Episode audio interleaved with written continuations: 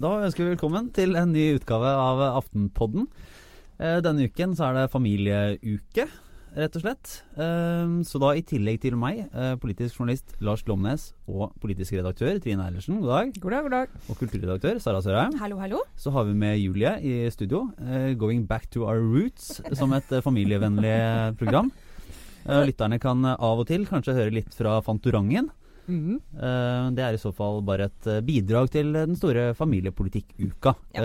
For Vi skal gå inn på det, og så skal vi vel ha litt om barnevold. ikke så veldig lystig, egentlig. Men, mm. Og litt om byråkratveksten under Siv Jensen.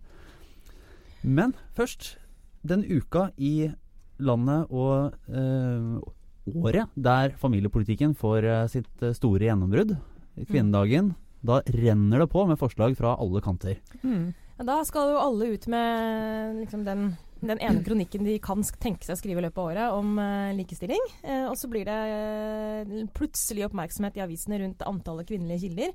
Og at det selvfølgelig er altfor lavt. og så diverse tiltak vi setter i gang som vi ofte dessverre glemmer igjen sånn om et par ukers tid. Ja. Men øh, jeg merker at jeg liksom slites litt mellom å irritere meg over at vi eh, snakker om likestilling og eh, kvinnesak denne ene uka, øh, og så glemmer det igjen. Øh, eller om jeg egentlig synes, tenker at ja, men det er jo jammen bra, da gjør vi det i hvert fall én mm. uke i året. Mm. Og så må jeg bare legge til at akkurat nå når jeg sitter her og er liksom um, jeg føler at nå er jeg mer natur enn kultur. Jeg har totalt preget av av at jeg har med barn som har den berømte feberfrie dagen du må ha før du kan gå i barnehage. Mm. Eh, som er denne, denne eh, skjærsilden. Unnskyld uttrykket. Men eh, å være hjemme med et friskt barn er jo rett og slett enda mer slitsomt enn å være hjemme med et sykt barn. så derfor er hun her. Og så i tillegg så kommer jeg rett fra da eh, svangerskapsomsorgen i det norske helsevesenet. som jo er et eventyr. Som er et eventyr. Hvor eh, både da eh, vi som går gravide, får selvfølgelig fri, eller ikke fri, altså, men da i arbeidstiden, går til kontroll. Eh, møter et helsevesen som følger deg så bra opp, eh, og alt er gratis. Mm. Og det, så denne uka for meg Nå må jeg bare si at eh, Ok, dette høres Jeg har problemer med å ikke si det ironisk, men da, nå takker jeg så fra dypet av mitt uh, hjerte alle som har sørget for at dette er mulig å få til. Ja, den var fra da kulturredaktøren som er blitt naturredaktør uh, i løpet av noen måneder. Fullstendig overgitt i naturen. Ja. Jeg, skal prøve ikke, jeg skal prøve likevel å diskutere sånne ting som uh, eh, f.eks. norsk byråkrati med en viss ja. seriøsitet. Jeg lover. Ja. Prøve. Men, men det startet jo allerede lørdag i Dagens Næringsliv, noen dager før 8. mars. For dette her er jo en, som du sier, en dag der alle eh, politikere som har et snev av interesse for likestilling, om de vil eller ikke, så må de jo ha det denne uken her, eh, begynner å gire saker inn mot eh, mediene. Så Dagens Næringsliv hadde Tina Bru og Høyre sin, sitt utspill om ny familiepolitikk. Vi i Aftenposten hadde et NHO-utvalg eller oppdrag, sine forslag til hvordan likestillingen kan styrkes. Og Arbeiderpartiet har vært ute med sin nye familiepolitikk. Arbeiderpartiet ville toppe alt og komme med 50 forslag, som de teltet opp. Ja, bare dra på litt, i og med at de, de mener at likestillingen har gått helt i revers under den blå-blå regjeringen. Noe vi i Aftenposten vel har vist ikke helt, helt presist, i hvert fall. Uh, men uh, vi har i hvert fall fått en uke med diskusjon av kontantstøtten. Uh, vi har fått diskusjon om barnetrygd. Vi har fått diskusjon om Veldig lite diskusjon om far. Mm, som vanlig. fars rolle overfor barna sine og ansvaret for å ta seg av dem når de er små. og vi har fått mange andre tema som handler om hvordan kvinner skal komme seg i arbeidslivet og være der og alt dette. Uh, men uh, noe av det som er interessant å se, og det har jo med det Høyre-forslaget å gjøre, det er at det nå det ser faktisk ut som det går mot slutten for kontantstøtten. Mm. Uh, som nå har, fant ut, Lars, 19 års 19-årsjubileum til høsten. Ja, Det er 19 år for mange. Noe, noe der. Eh, så var den store seieren til eh, Bondevik-regjeringen eh, den gangen. det var den gangen KrF svevet oppe på de store høyder med 13% da de gikk inn for kontantstøtte. I en tid der det var faktisk tatt varmt imot av veldig mange. For det var jo barnehageplasser var jo manko. Uh, og Da var det jo en støtte for mange å kunne få den kompensasjonen, i det minste. Så har jo denne støtten vart videre langt forbi det som nærmer seg i hvert fall full barnehagedekning. Så nå begynner også Høyre, da, som har vært med på dette som et slags sånn valgfrihetskonsept, å gå helle mot at kanskje noe, Det er ikke noe tvil om at, uh, om at, både Aftenposten og store deler av Aftenpodden er, eh, er, er, mener at kontantstøtten må dø. Ja, men Lars, vi har glemt å spørre deg hva du mener. Har du lyst til å hoppe ut av uh, jeg, som vanlig? jeg, er, uh, jeg er en, en skorve nyhetsjournalist. Uh, du har ingen meninger om den slags Så jeg har ingen meninger om hva som er riktig eller galt. Når du sitter på betalt tid i, i, Aftenposten. Ja. Nei, jeg skal ikke lokke deg utpå. Men nei, du har rett i at jeg tror at de store resten av dette studioet er vel i grunnen ganske klar for å skrote det. Hei, Julie. Og da uh, Julie har lyst til å, være nærmere mikrofonen, og det forstår jeg godt. Men uh, nei, altså, det, det, er jo uh, en diskusjon som går rett inn i egentlig regjeringssamarbeidet. Venstre også. Venstre har vært litt sånn ja, pragmatiske på det med kontantstøtten, men det ser jo også nå ut som om de parkerer den. Og så Høyre, da, som har vært på den valgfrihetsdiskusjonen og egentlig bestemte seg for at etter en heftig diskusjon på et landsmøte eller to siden at eh, det var kommunene som skulle eh, ha ansvar for kontantstøtten, så uh, går i hvert fall Tina Bru og den generasjonen med politikere nå inn for å avvikle hele ordningen. da. For der er vel ekspertene ganske, ganske enstemmige at dette ikke er noe likestillingstiltak å ha, ha en kontantstøtte?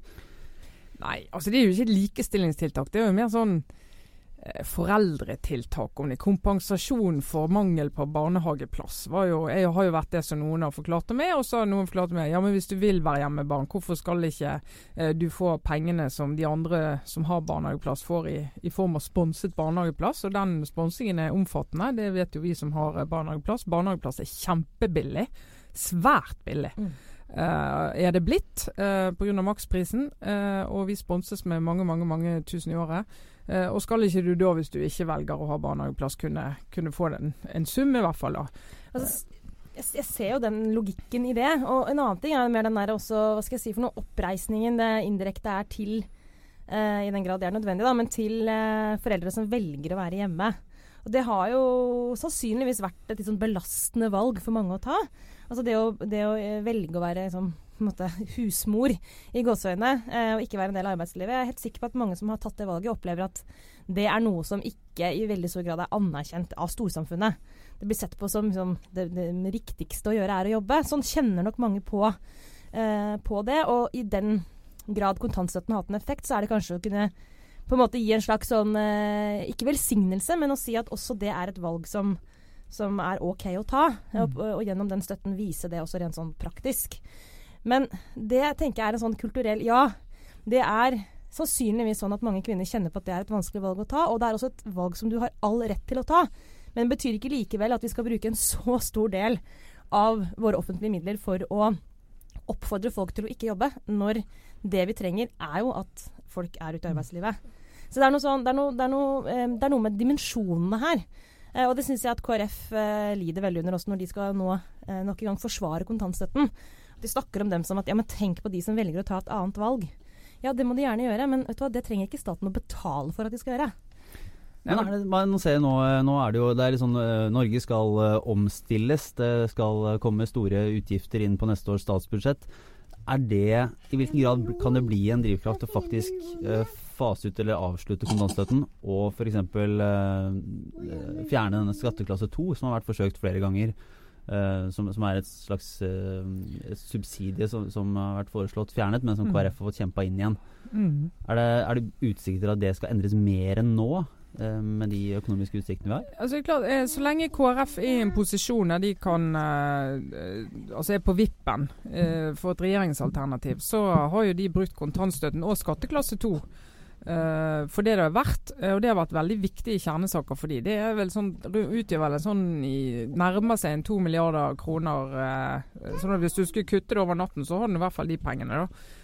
men spørsmålet er jo Altså Du skal ha med deg KrF videre, og det er jo familiepolitikken. Altså Bistand er viktig for KrF, men familiepolitikken er ekstremt viktig for KrF. Og uh, Vi har jo sett før at det finnes saker der Arbeiderpartiet og Høyre er helt enige om at et eller annet er helt på jordet.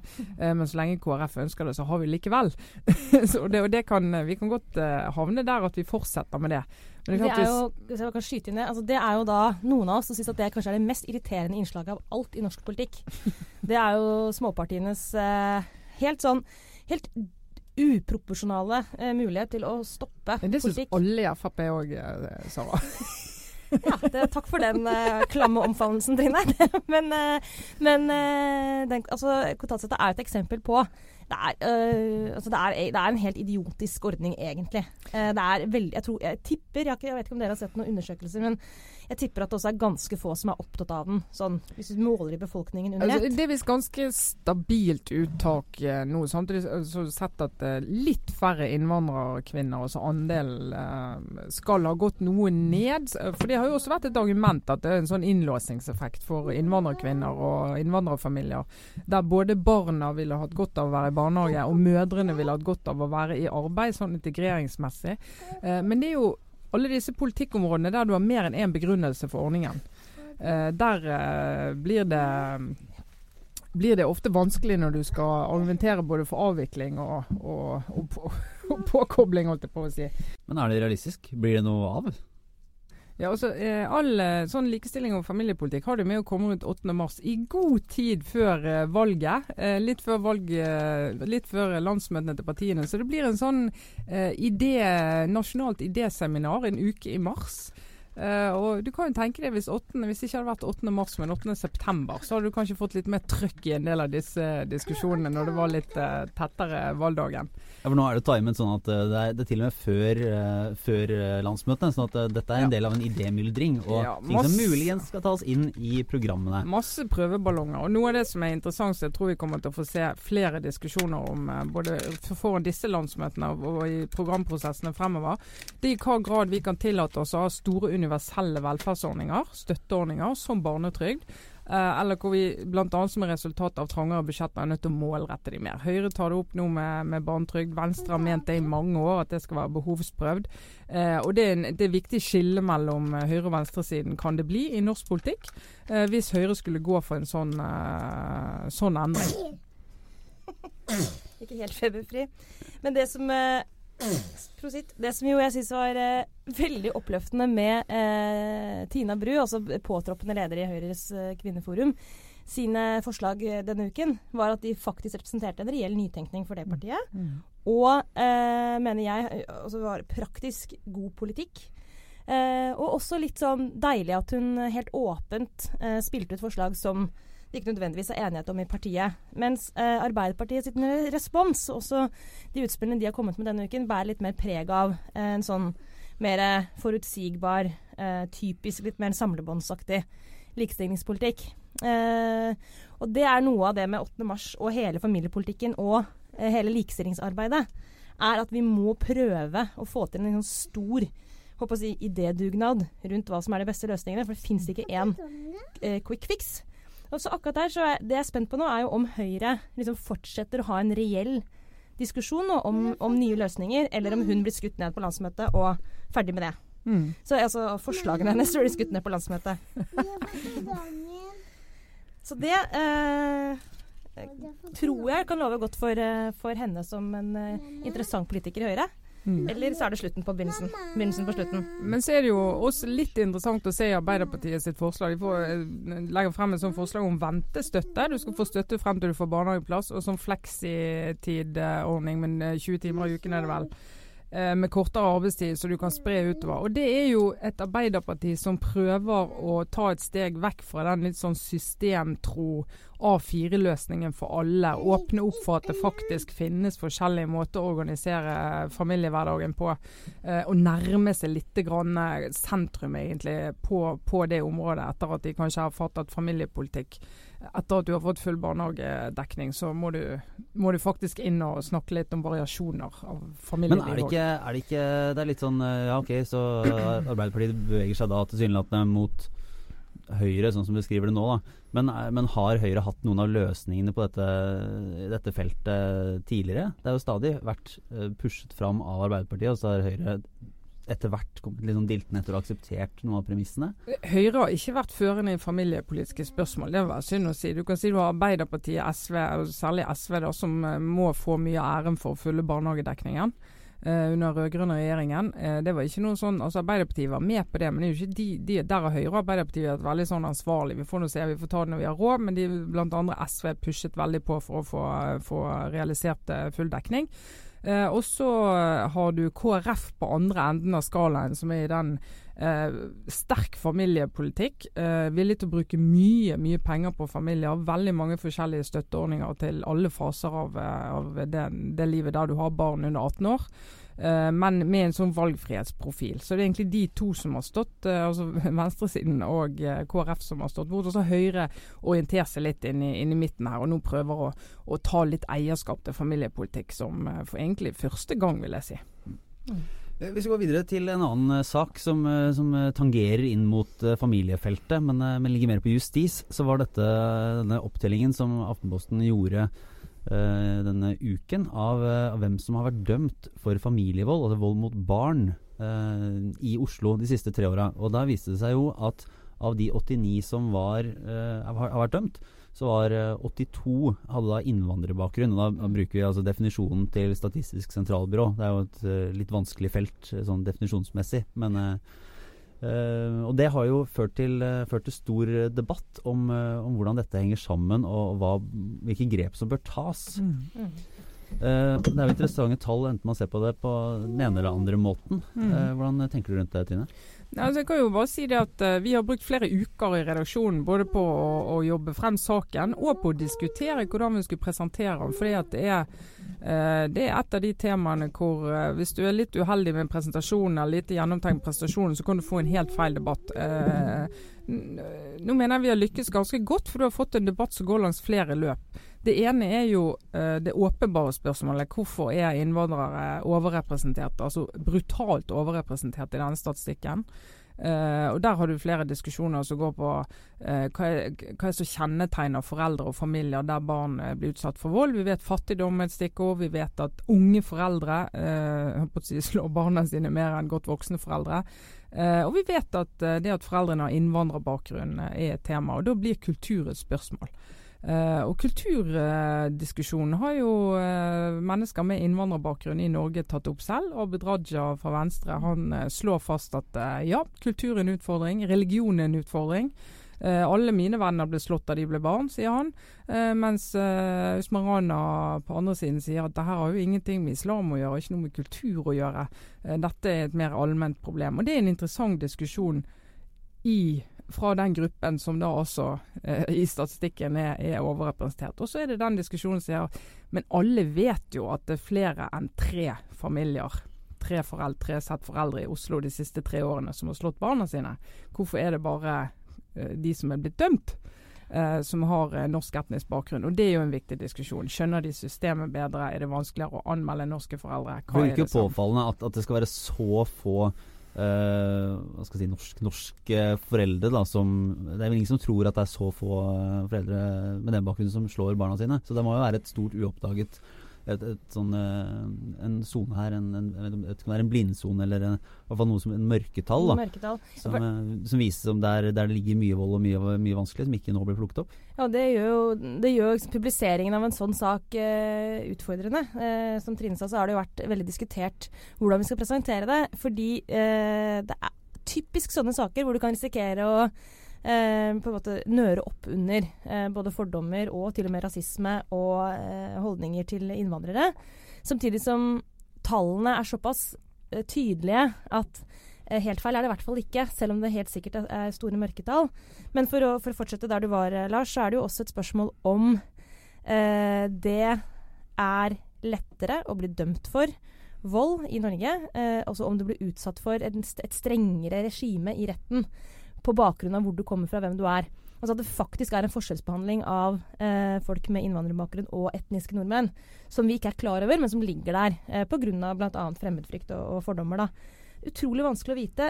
Desto viktigere eh, at disse sakene kommer opp, og at vi tar den diskusjonen. Eh, fordi alternativet er jo å ikke skrive om sånne saker. Eh, og da risikerer du minst to ting.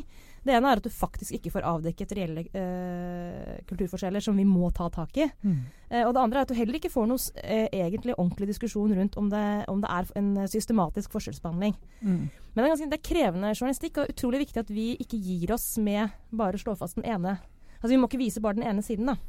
Nei, og det er jo eh, Altså, jeg er jo så gammel, da, Sara og Lars, at jeg husker jo Jeg husker kanskje ikke mye av 70-tallet, men jeg husker i hvert fall 80-tallet. Eh, der det var en diskusjon om eh, kristne. Altså kristne miljøer i, i, Norge straffet barna sine mer fysisk enn andre gjorde.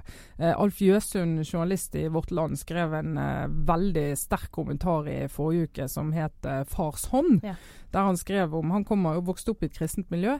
Eh, hadde en far som nå er død, som var leder i en, eh, i en kristent miljø, og som så, så, på det som den største selvfølge at han skulle, skulle slå barna sine. Eh, og da kan du få altså en far da, i, som har trekk. Han kan ha vært slått når han var liten. Eh, han kan ha blitt lært opp til at det er riktig. Han syns det er naturlig å reagere sånn overfor sine barn. Og hvis du har en litt sånn personlighet eller trekk ved deg i tillegg som gjør at det er lett å ty til vold, så har du på en måte fått rammen å gjøre det innenfor. Eh, og så vil du da se at det var mange kristne foreldre som aldri slo barna sine. Og hvis vi nå går inn i muslimske eh, miljøer, hvis det er det vi snakker om, eller innvandrermiljøer, så vil vi se det, det, det, samme mønsteret. Og vi må selvfølgelig ta den diskusjonen på samme måte som vi gjorde med kristne miljøer mm. den gang. Og de må ta det også selv, innvandrere i sine miljøer. Og det syns jeg Abid Raja og Usmarana er godt i gang med. Mm. Utrolig viktig viser det seg nok en gang også at du har stemmer i samfunnsdebatten, som også eh, bl.a. Fra, eh, fra muslimske miljøer, innvandrere, at du har en sammensatt, en sammensatt offentlig diskusjon. Eh, nettopp fordi når det dukker opp saker som dette, så trenger man de nyansene. Man trenger, og man trenger at, at det foregår en diskusjon også mellom sånn som i dette tilfellet Rana og, um, og Raja, eh, som begge sitter på er andre erfaringer enn oss, f.eks. Aftenpodden, som sitter på den kritthvite norske oppveksterfaringen. Um, men fy søren, jeg tenker sånn Dette er kanskje noe av det viktigste vi gjør, uh, men det er, det er fristende. Jeg skjønner hvorfor eh, Her kommer jeg inn på et eh, klassisk Aftenpodden-tema. Men jeg skjønner hvor, hvorfor f.eks. mange av våre svenske kollegaer i større grad har latt denne tematikken ligge. Mm. Fordi det letteste er egentlig å la det ligge, men det er det skal ikke være noe alternativ. Ja, Nå svikter du jo de barna, da. Når du Ikke, og det gjelder jo, Vi har jo hatt en serie om vold mot barn i lang, lang lang tid i, i Aftenposten, og, og, løftet opp vold mot alle, alle typer barn i, i, Norge. Og vi ser at det er så mye ugjort der. Mm. Eh, og det har vært så lite. Det er jo altfor få dommer eh, som omhandler vold mot barn. Og jeg tror jo de dommene vi eh, jeg har referert fra Oslo tingrett, det er jo virkelig kan du snakke om toppen av isfjellet hvis du virkelig mm. skulle gå inn i den tematikken. Er, noen ganger så trekker vi jo, ikke bare noen ganger, altfor ofte, så trekker jo pressen frem eh, i litt sånn pompøse vendinger eh, vårt samfunnsoppdrag, og at vi liksom, skal beskytte den lille mann mot eh, overgrep fra makta osv. Sikkert noe som andre mennesker syns er utrolig eh, irriterende til tider. Men akkurat her så er det jo sånn. Ja, er det noe vi virkelig skal gjøre, så er det jo disse her eh, toåringene som kryper rundt her. Det er klart at det å faktisk påse at det f.eks. ikke er sånn at det er store mørketall rundt vold mot barn, ja, det, må, det, er jo helt sånn definitivt en del av, av, det som gjør at vi innimellom med rette kan kalle oss fjerde statsmakt, tross alt. Så vi uh, får gå, videre til en annen, uh, en annen, kamp som ble løftet uh, høyt i 2013. Nemlig det som Anders Anundsen i et leserinnlegg vel kalte krigen mot byråkratiet. Mm. Uh, Siv Jensen med uh, faner og basuner uh, slo fast at her skulle antallet byråkrater gå ned. staten skulle effektiviseres. dette skulle skje på hennes vakt. Men realiteten er, som opptelt denne uken, at det er drøyt 1500 flere byråkrater nå enn tidligere. vi trenger ikke å gå så altfor dypt inn i det her, men det er jo det er jo et klassisk eksempel på et valgløfte eller en ambisjon som uh, får seg en kraftig trøkk. Mm. Det er sånn som partier med styringserfaring uh, skjønner at uh, sånne ting må man aldri si. eller sånn som vi ledere når vi skal omorganisere f.eks. en redaksjon. Mm. Så vet vi jo at vi alltid blir spurt sånn ja, fra de på gulvet. Ja, da antar vi at det blir færre ledere. Da må du aldri si ja, fordi det Det må aldri si. Det, er, viser seg gang på gang at uh, byråkrater og mellomledere får man, får man aldri bukt med. For mange av. Nei, altså utfordringen til, uh, til Frp det er jo at uh, når, når, du går inn med et sånt løfte, det er jo også rett og slett gå inn og se hvorfor har byråkratiet vokst. Uh, og det er det, det er det, mange forklaringer på. Én forklaring er at uh, bl.a. Frp og andre politiske partier uh, på Stortinget uh, har gjennom sitt arbeid og sin kontrollfunksjon gjort at rapporteringsplikten har økt dramatisk i alle ledd av byråkratiet. både fra kommuner til stat. Uh, du må altså ansette folk som skal sitte og sørge for at sidemannen gjør jobben sin, i, i, større grad enn bare for noen år siden. For hver gang det kommer opp, oppdages en feil, en eller annen svikt, så blir ofte svaret at uh, ja, da må vi få bedre kontroll på det, så det må vi sette folk på. Uh, det andre er at måltallet og målområdene til store deler av byråkratiet øker, øker og øker, uten at noe blir tatt vekk i, lit, i veldig liten grad. Eh, og Det gjør at enten må da de som er der eh, sitte og holde på med flere ting, eller så ansetter du flere folk. Og så har jo den norske stat har jo gått ro, god råd da, og hatt det eh, veldig lenge. Eh, så da er, har det ikke vært noen sånn naturlig diskusjon heller, hvor du sier at hvis vi skal legge på en oppgave, så må vi ta ut en oppgave. Sånn som du kanskje har i en bedrift. Men for å gå dypt eh, til hovedspørsmålet her, er i hvilken grad er, mål, er antall byråkrater et godt mål på en effektiv stat? Ja, for Det lurer jeg også på, bare for å Mens Trine tenker seg om her, for det er deg vi avkrever et svar her, Trine. Og så er det liksom et, Er det rett og slett et fornuftig altså Burde man, burde man hatt færre? Altså Er det sånn at det er Er det for mange? Har vi lagd en sånn Ja, et, et byråkratvelde som bare er ressurs, et ressurssluk? Det er helt umulig å vite når du ser det litt mer fra utsiden, da. Altså, det er jo det er helt sikkert områder som er overbyråkratisert, men spørsmålet er hvorfor det er sånn. Uh, og Der uh, syns jeg at politikerne først bør ta den diskusjonen, og så bli litt sånn enige om uh, hva er det vi ikke skal følge med på i detalj. Hva er det vi ikke skal ha detaljrapportering på. Hva kan vi leve uten, fint leve uten. Uh, uten at vi bare tar det anskaffelsesregimet. Altså det med når du skal sende kontrakter ut på anbud. Uh, og terskelen for det, altså beløpsterskelen, er jo blitt senket. Det betyr at det er mye mer byråkrati knyttet til en del offentlige anbud enn det var før. Det er mange flere som sitter og jobber med det, rett og slett fordi at uh, alle sakene som skal inn i en sånn behandling, er blitt flere. Uh, og, og, Det er jo et politisk valg. men det er jo for hver gang du da står i Stortinget som politiker og krever at noe skal bli mer kontrollert og fulgt med på, så må du jo da i hvert fall være klar over at det kan føre til at det blir en byråkrativekst et sted. Uh, som du da ikke kan komme dagen etter og si at herlighet, så rart at byråkratiet vokser. For det er i hvert fall ikke, det er hvert fall ikke helt ukomplisert. det er, helt, det er jo ikke dyr som vokser helt uten uh, mål og mening. Og så, uh, Vi nærmer oss slutten, men vi har jo hatt etablert vår nye lille spalte. Vår ja. lille helgesnakkspalte. Så du kan jo begynne, Sara. Når du tar med deg Julie forhåpentligvis helt frisk fra feberen og er ferdig med Fantorangen. Hva, hva, tar du med deg inn i helgen av Altså, Lars, eh, nå må jeg bare si en sånn ting som folk uten barn hater å høre. Men eh, det skal du bare vite hvis du får barn noen gang. De blir aldri ferdig med Fantorangen. Eller det er mulig de blir det når de blir, eh, kommer i puberteten, men eh. Sverre, Sverre. Å, syns det er kjedelig. Syns han? Å, han syns det er Åh, jeg gleder meg til det. Nei, fordi eh, jeg eh, prøver jo å fremstå som et menneske med et rikt indre liv. kanskje til og med tendenser til å være en ekte intellektuell. kanskje til og med tilhøre kultureliten. Men faktum er at denne helgen skal jeg, hvis jeg skal være helt ærlig, gjøre det jeg veldig ofte gjør. Jeg skal nok se mye på Fantorangen, og så skal jeg se ekstremt mye på sport. For nå er det jo VM eh, på, i skiskyting i Holmenkollen siste helg, og det er eh, innspurt av Tour de Canada. Som er en nyvinning denne verdenscupsesongen. Eh, som er avslutningen på skicupen. Hvor både Petter Northug og Martin Jonsrud, Jonsrud Sundby ligger an til å kunne vinne. Så det er det ærlige svaret. Og så skal jeg på kvelden se, når det er ferdig, ekstremt mye House of Cards. og så har jeg prøvd, på veien hit prøvd å finne på noe mer interessant, og så har jeg ikke klart det. Nei. Så nå fikk dere det ærlige svaret. Ja, men det, det må det være. Jeg, skal, jeg er heller ikke ferdig med House of Cards.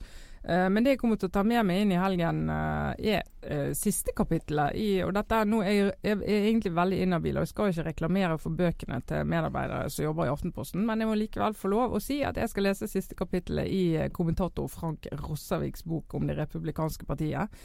nesten i mål med den. Uh, Syns jo den er ekstra gøy å lese når det er amerikansk primærvalgkamp og House of Cards på TV. og en, en underhold morsom bok som jeg gjerne snakker om. Er det noen, eh, Hva er på en måte høydepunktene så langt? Hvor, Går den kronologisk, eller går den uh... Med den uh, Boken, historien om ja. Nei, det er mer tematisk. Uh, går inn i partiets forhold til uh, f.eks. Obama, dette hatet mot Obama. går litt inn i det. snakker om forholdet til Gud og religion. Eh, snakker om eh, forholdet til eh, altså den føderale staten og friheten til enkeltindividet. Våpenlover. Og en del sånne temaer som for oss er veldig eksotiske. Der Frank har satt seg fore å gå inn og spørre hvorfor mener så mange amerikanere det de mener om våpen, om, om, det religiøse utgangspunktet, om USAs plass i verden og sånne, sånne ting. Jeg syns han forklarer det ganske godt i den boken. Det er nyttig. Ja, jeg, får jo eh, Min eh, lille helgesnakk for være jeg skal anbefale på det aller sterkeste. Noe som har da litt med Det kan ha en link til kvinnedagen. Uh, og en annen podkast, den verdensberømte og kanskje verdens beste This American Life, som jo leverer Som fortsatt holder koken? Som fortsatt holder koken, og leverer gode historier uke etter uke. Men uh, det er uh, Jeg hørte en, en, virkelig topp og en uh, fantastisk episode som ble lagt ut 29.2, så det er et par uker gammel, men jeg hørte den først nå. Som tar for seg en Det er en litt sånn true crime-historie, men tar for seg en en egentlig ganske tragisk historie om en voldtektssak i, i Washington men den er verdt å høre, selv om man kan bli litt uh, trist av den. Uh, og hvordan en politietterforskning kunne gå ordentlig, ordentlig galt. Uh, Bl.a. fordi noen av de nærmeste til denne 18-åringen som ble utsatt for dette, ikke helt skjønte hvordan folk som er utsatt for overgrep, kan oppføre seg. Og Det setter, altså det er noen små ting da, i et sånt lokalsamfunn som bare får en historie til å gå i helt gal retning. Så dette er true crime, egentlig? Det er true crime. Uh, og så er det noen tvister sånn inne i historien, men de tror jeg ikke jeg skal, uh, tror jeg ikke jeg skal røpe her. Men jeg kan bare anbefale absolutt alle om å høre det, for det var uh, virkelig, virkelig bra. Med mm. det er vi Da er vi i mål. Jeg skal takke lytterne som fortsatt holder ut for tålmodigheten med litt ekstra bakgrunnsstøy denne uka. Ja, Men, god bedring til Julie. Ja. God bedring, Julie. Og så takker vi oss for oss for denne uken. Sara Sørheim, Julie Trine Eilertsen og meg, Lars Klomnes. Ha det bra.